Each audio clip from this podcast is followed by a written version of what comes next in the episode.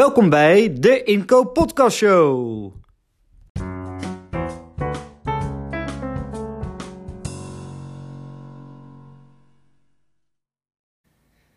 Welkom luisteraars bij deze nieuwe podcast. In deze podcast gaan we kijken naar het thema inkopen met business focus. En die hoort bij het overkoepelende thema contractmanagement en contractbeheer. Om dit thema met ons te bespreken heb ik vandaag in de studio uitgenodigd Marivonne van Os. Welkom. Dankjewel. Hey, hartstikke fijn dat je hier kan zijn. Zou je voor we kunnen beginnen misschien eerst iets over jezelf kunnen vertellen? Wie ben je? Waar werk je? Wat doe je daar? Uh, uiteraard, ik werk bij uh, de Rijksdienst voor Ondernemend Nederland, de RVO afgekort. Uh, ik ben daarmee begonnen inderdaad uh, bij de subsidieregelingen. Ehm, vervolgens aan het werk gegaan bij de ICT-afdeling, toen de ICT nog niet gecentraliseerd was. Ehm, daarna ben ik naar het facilitair bedrijf gegaan.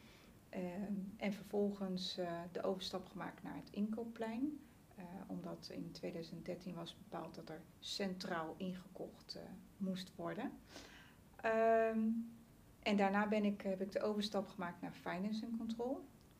mijn huidige werkzaamheden zijn bij Finance Control zijn inderdaad het doorvoeren van procesverbeteringen in het proces om te kijken waar zijn de knelpunten, wat kunnen we digitaliseren, elektroniseren. Um, en uiteraard uh, uh, oftewel aanpassingen in het systeem uh, verrichten of verbeteringen in het daadwerkelijke proces zelf door te voeren. allemaal conform het Lean-principe wat gehanteerd wordt. Um, en daarbij um, help ik nog steeds met het implementeren van afgesloten contracten in het systeem. Uh, dus eigenlijk kortom, uh, mijn hele carrière uh, bestaat wel eigenlijk uit uh, nou ja, heel veel facetten. Dus eigenlijk heel veel belanghebbenden vanuit het inkoopproces. Ja, en zoveel facetten en ook al best wel veel ervaring. Maar waar ga je het dan vandaag met ons over hebben? Ehm, nou, een beetje meer een kijkje in de keuken brengen. Eigenlijk een beetje meer inzicht geven in wat komt er nu kijken bij de implementatie van een contract tot de volgende aanbesteding. En uh, daarmee uh, hoe de inkoper dus eigenlijk in zijn volgende inkoopproces daarvan uh, profijt kan hebben. het kijken naar de periode nadat het contract is afgesloten tot, en daar lering uit trekken. Nou, dat lijkt me erg, erg helder. Dat is dan ook het doel voor deze podcast, beste inkoper. Dus meer inzicht krijgen in wat er allemaal komt kijken bij de implementatie van een contract tot aan de volgende aanbesteding. Hoe gaan we dat doen? Uh, op de oude vertrouwen manier. We gaan eerst even de spijker op zijn kop slaan. Door aan de hand van de wie, wat, waar methode te kijken naar de casuïstiek die Marivon heeft meegebracht. Hè. Die zijn erbij betrokken. Wat is er aan de hand? Waar liep ze tegenaan? Om vervolgens in de ronde sectiereflectie daar iets dieper op in te gaan. En daar ook lering uit te trekken. Om ervoor te zorgen dat wij met z'n allen ook daadwerkelijk de inkopers van de toekomst worden. Ik zeg, laten we beginnen.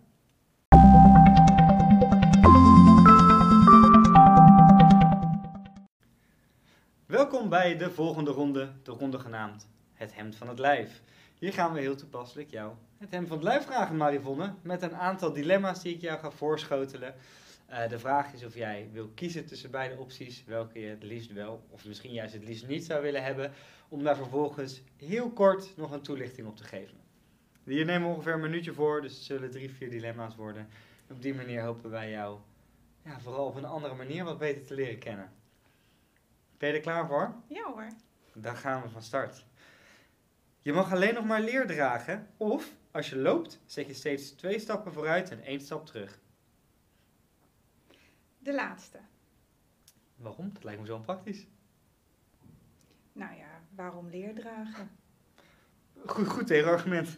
Je hebt altijd groen licht en wind mee, of je kunt foto's maken door met je ogen te knipperen. Foto's maken door met mijn ogen te knipperen. En waarom voor die? Uh, omdat foto's een momentopname zijn en ik vind het altijd heel erg leuk om daar toch uh, uh, op te, ja, terug te kijken. zijn altijd, momenten zijn altijd waardevol.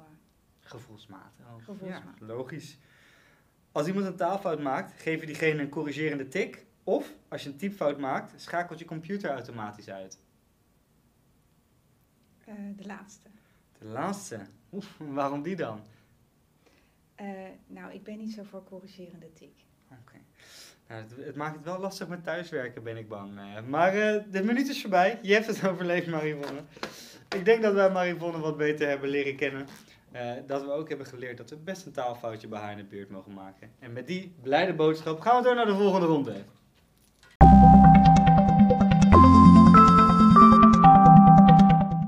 De ronde de spijker op zijn kop. In deze ronde gaan we kijken naar de casuïstiek die Marivonne heeft meegebracht. Gaan we eens objectief kijken naar wat er aan de hand was. En dat doen we met de wie, wat, waar methode. Ze willen graag weten wie er allemaal betrokken bij waren. Wat nou eigenlijk precies het probleem was, wat er misging. En vooral waar Marivonne in haar praktijk tegenaan is gelopen. Marivonne, de casus. Welke casus wil jij graag delen met onze luisteraars? Eh, om het voor jullie eh, vooral herkenbaar en relateerbaar te houden, eh, houd ik het voor nu bij de aanbesteding van het bloemetjescontract. Het bloemetjescontract. En bij het bloemetjescontract moet ik me dan voorstellen dat bloemetje dat je af en toe krijgt als je iets leuks hebt gedaan? Ja, voor als je prestatie hebt geleverd. Hè. Het is altijd leuk om successen te vieren met elkaar. Ehm, dat klopt. En je zou denken inderdaad, dat valt in de categorie lekker belangrijke contracten. Alleen voor het Rijk is dat ligt dat toch wat anders. Is het wel een zeer essentieel onderdeel eh, van de bedrijfsvoering. Ja, ik denk dat iedereen er wel bekend mee is. Ik heb er zelf ook wel eens mee te maken gehad. Vooralsnog nog nooit mogen ontvangen helaas. Maar wie weet komt dat nog. Eh, en ja, je geeft wel aan, misschien inderdaad niet het, eh, het grootste waar je aan zal denken. Maar ik kan me inderdaad wel voorstellen dat dit veel speelt in het Rijk. Het gebeurt overal wel. Dit is geen klein contract. Zeker geen klein contract. Ehm, ik weet niet of zo goed of ik aantallen mag noemen. Maar laten we het zo zeggen. eh, een bloemetje is nog snel. Maar voor de RVO in dit geval eh, zou je toch wel denken dat gaat toch om zo'n 2000 bestellingen op jaarbasis. En dat is alleen voor de RVO. Ja. Oké, nou, dus hè, een flinke, flinke bestelling allemaal. Maar wat, eh, wat wil jij precies delen? Jij bent er maar bezig geweest. Eh, ja, nee, ik ben er zeker mee bezig geweest. Ehm, ehm, omdat eigenlijk eh, het bloemetjescontract, degene die daar het meest gebruik van maken in de praktijk, die dus daadwerkelijk het bloemetje bestellen, dat zijn voornamelijk de managementondersteuners. Eh, dat zijn uiteraard multitaskers, hebben veel dingen te doen in een korte tijd, omdat ze eigenlijk natuurlijk de manager willen ontzorgen. Ehm, en die eh, eh, willen natuurlijk eigenlijk dan ook eh, bediend worden door het één druk op de knop principe. Mhm. De à la bol.com methodiek. Ehm, dat lijkt me wel heel belangrijk. Ehm, daarnaast was het ook een reiscategorie en werd destijds ook eh, centraal ingekocht. Oké.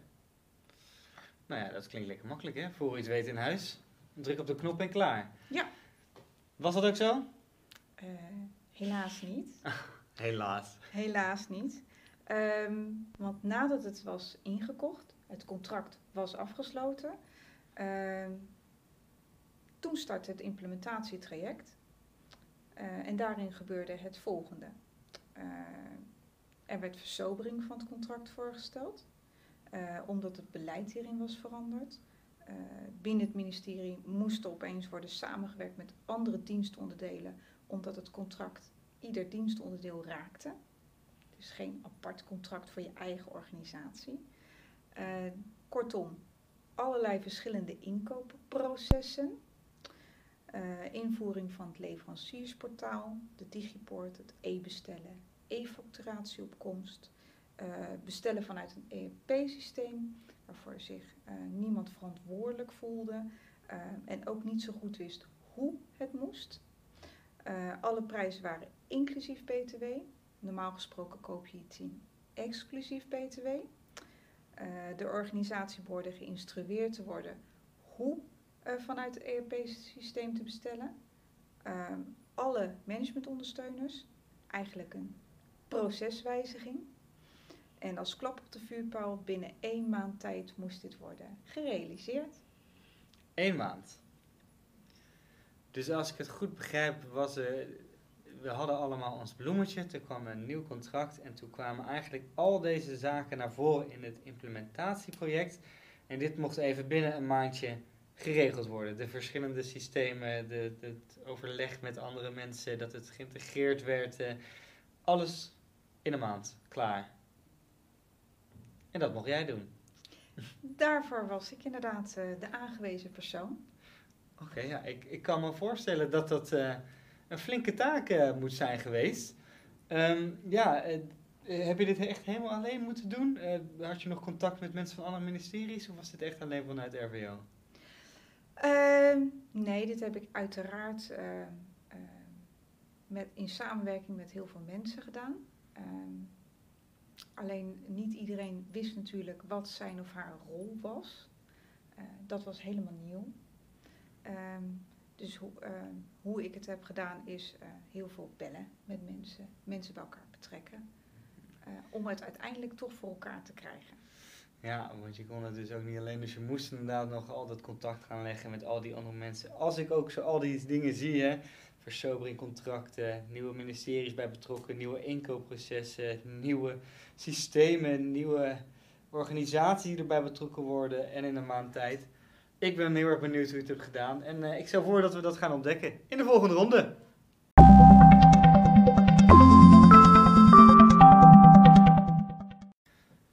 Welkom bij de volgende ronde, de ronde sectie reflectie. In deze ronde gaan wij iets dieper in op de casus die we net met Marivonne hebben besproken. We hebben gekeken naar de bloemetjes en nu willen we daar meer over weten. En wat willen we dan eigenlijk vooral weten? We willen graag kijken wat er precies mis is gegaan, maar vooral dan wat we daarvan kunnen leren. Hoe kunnen wij deze casus ja, als lering gebruiken? Marivonne, vertel het ons. Je hebt de casus geleefd. Wat heb jij eruit gehaald? Eh, wat heb ik er onder andere uitgehaald? Ehm, om even terug te kijken, inderdaad, eh, het voorbeeld met eh, de prijzen inclusief BTW en het stukje bestellen vanuit een ERP-systeem. Hm. Ehm, wat ik daar vooral inderdaad eh, eh, zie, is, ehm, of een lesson learned, zoals je het zegt, ehm, meer betrokkenheid vooraf van alle belanghebbenden tijdens het schrijven van het bestek. Dus nog voor het publiceren van de aanbesteding. Dit houdt in dat niet iedereen mee moet schrijven op alle onderdelen, maar wel dat iedereen gehoord wordt op zijn of haar onderdeel. Ook omdat als de aanbesteding gepubliceerd is, je niet zomaar zaken kunt terugtrekken. Ehm, het hele wens- en eisenpakketje moet echt vooraf worden aangegeven. Ja, want ik begrijp dan ook goed, doordat jullie daar dus niet bij betrokken waren, kwam het achteraf meer als een verrassing. Ja, zeker. Komt zeker meer als een verrassing ehm, van je hebt een contract. En nu? En regel het maar. Ja, en ik zeg altijd, ehm, het is heel moeilijk wat, eh, eh, om wat krom is, op een gegeven moment weer recht te trekken.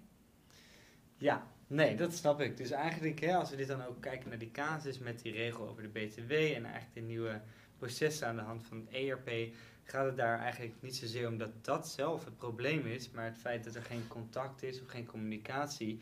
Dat jullie op een gegeven moment staan van, ja, ho eens even, eh, ik weet hier niks van, maar ik moet wel over een maand klaar zijn. Dat is het. Ja. Oké, ja, nee, dat, dat lijkt mij ook eh, niet erg prettig. Wat hebben we nog meer? Ehm, nou, zoals ik al even om terug te kijken op eh, binnen één maand tijd. Ehm, ik kreeg een telefoontje in mei en eh, het moet 1 juni zijn geïmplementeerd. Ik belde jou omdat ik dacht van nou, Marivon, jij zal dat vast leuk vinden. Leuk hoor, Ehm, oprecht. alleen was ik destijds niet bekend met alle gerelateerde systemen. Had ook niet eens rechten tot alle systemen. Eh, denk even aan de andere dienstonderdelen binnen het ministerie, zoals de DICTU, het kerndepartement, de NVWA. Die moesten ook allemaal bloemen kopen, ehm, met elk hun eigen inkoopproces. Eh, bij A ging het zo, bij B, nou, deden maar drie personen het. Ehm, al die mensen werken altijd op een bepaalde manier. En ineens moesten ze op een andere manier gaan werken. Dus een wijziging in je proces. Ehm, eigenlijk was dat bijna niet te doen in zo'n korte tijd. Ehm, wat ik daarvan heb eh, eh, geleerd, is inderdaad uh, nauwere samenwerking vooraf. Niet alleen hoe in te kopen, maar ook hoe ga je het afnemen. En voor de inkoper breng je natuurlijk ook mensen met elkaar in verbinding. binnen alle inkoopkaders moet er samengewerkt worden om eigenlijk het optimale resultaat te behouden. Je doet het met z'n allen. Ja, dus als ik het hier ook goed, goed begrijp, gaat het juist niet alleen om hoe, hoe in te kopen, zoals dat in het contract waarschijnlijk staat, maar ook vooral over hoe dat afnemen dan gaat, achteraf. En daar miste jij wellicht wat meer specifieke regels en toelichting op de verschillen onderling. Ja, ja daar merk je dat, uh, ja, dus bepaalde uh, zaken uh, die je met elkaar hebt afgesproken in het contract, blijken uiteindelijk in de praktijk ja, tegen heel veel weerstand aan te lopen. Om dat te voorkomen is juist die nauwere samenwerking vooraf heel erg nodig. Ja, dus het is ook een beetje de vraag van, kijk, het contract is regelmatig en logisch, maar is het wel haalbaar of realiseerbaar in de tijd en ja, kaders die het contract stelt, als het ware? Ja. Oké, nou, dat, dat, dat, lijkt me inderdaad een, een lastig probleem. Goed om mee te nemen dus, hè. vooral eigenlijk ja, toch weer die nauwere samenwerking al en dan vooral niet alleen over hoe in te kopen, maar juist ook over hoe dat afnemen. Dus ook regels voor na het contract. Ja. Helder. Zijn er nog meer zaken? Uh, ja, eigenlijk een beetje de start van een aanbestedingstraject. Uh, ik eh, omschrijf het ook wel eens als kopiëren.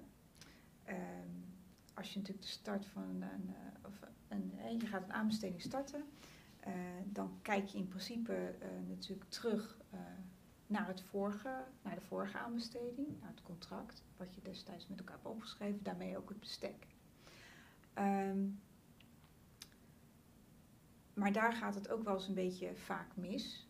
Want als je zeg maar puur sec dat bestek kopieert van de vorige aanbesteding en je verspreidt dat onder de mensen, um, de mensen veranderen in de organisatie. Het zijn niet altijd dezelfde mensen. Dus niet iedereen heeft er ook uh, evenveel ervaring mee. En vindt het ook niet altijd even leuk om dan een document van even 60 pagina's te krijgen. Geef het maar een, gooi. Um, dus eigenlijk wat ik probeer mee te geven als een lesson learned. Uh, wanneer je begint met de aanbesteding, kijk niet alleen naar het vorige contract hoe dat is afgesproken. Maar ga ook even na met uh, uh, wat gaat er echt goed bij het contract en wat ging er nou minder goed bij het contract. En kijk ook even naar de huidige markt. Want leveranciers gaan natuurlijk ook met een tijd mee. Met ontwikkelingen, vernieuwing, technologieën. Uh, dus kijk daarnaar en neem dat dan ook mee als je dus een aanbesteding gaat starten. Ah ja, dus als ik het goed begrijp, zeg je eigenlijk dat uh, nog redelijk vaak het nieuwe contract wordt dan uh, ja, het oude contract een beetje kopiëren plakken als het ware. Uh, wat ook weer niet heel handig is, want dan moeten mensen eigenlijk dat allemaal weer doorspitten. Maar eigenlijk vooral het punt, en dat is denk ik ook hè, dan wat je misschien bedoelt in die casus, is dat er niet gekeken is naar hoe het op het, dat moment werkt, hoe het op dat moment is ingericht. En daardoor is een soort mismatch tussen het contract en de werkelijke situatie. Ja. Dat is onhandig. Zeker. En hoe lossen we dat op? Praten met de markt. Door uh, meer belanghebbenden te betrekken. Nu zie je heel vaak eigenlijk dat er voor een contract uh, naar één persoon wordt gegaan. Want iemand geeft het signaal af hè, van joh, uh, er moet een contract komen. Alleen je hebt met zoveel poppetjes te maken in het hele proces, je hebt zoveel belangen um, dat het wel goed is om een breed spectrum uh, te bekijken. Dus meer mensen bij betrekken? Meer mensen bij betrekken. En, want ieder verstaat zijn eigen vak. Nou, dat lijkt me helder. Hè? Schoenmaker hou je bij je leeft. Dat is ja. een goeie. Nog, uh, nog iets anders? Um, ja, even procesmatig. Even over het proces. Um, tijdens de bloemetjescasus zie je eigenlijk, of heb ik eigenlijk uh, gezien dat er binnen de organisaties geen proactieve houding is, maar juist een afwachtende instelling. Dat is ook bevestigd. er was een contract en nu? Ehm, juist door die afwachtende instelling eh, is het, het eh, hebben inkopers het idee dat zij alles maar alleen moeten doen. Ja. Ehm, dus eigenlijk is het, eh, wat ik bedoel met de lessons learned, de finance stock en de aanvragers moeten meer betrokken worden bij het proces. Ze moeten meer aanhaken bij de inkopers om samen de doelstellingen te bereiken. Ze moeten ook niet alles overlaten aan inkoop, want die kunnen ook niet zonder al die belanghebbenden en moeten het ook niet verwachten. Ah ja, dus, dus als ik hem dan even samenvat, geef je eigenlijk dus aan van, hè, net als bij die bloemetjes krijgen we een heleboel nieuwe dingen, regeltjes, processen en uh, regelt maar. En eigenlijk komt het allemaal op het bordje van die inkoper. En uh, dan uh, gaan wij een beetje boel roepen als het allemaal niet goed gaat, maar dat is ook niet de bedoeling. Want wat is dan wel de bedoeling? Om het samen met elkaar op te pakken. Alright, dus juist ook uh, dat echt te verdelen. Ja, want een inkoper is een, die verzamelt alle belanghebbenden. En een inkoper doet het ook niet voor zichzelf. Doet het niet voor zichzelf. We doen het voor elkaar. Ik denk dat dat een een mooie laatste boodschap is voor deze ronde. En ik denk dat wij alweer voor, verder moeten naar de volgende ronde.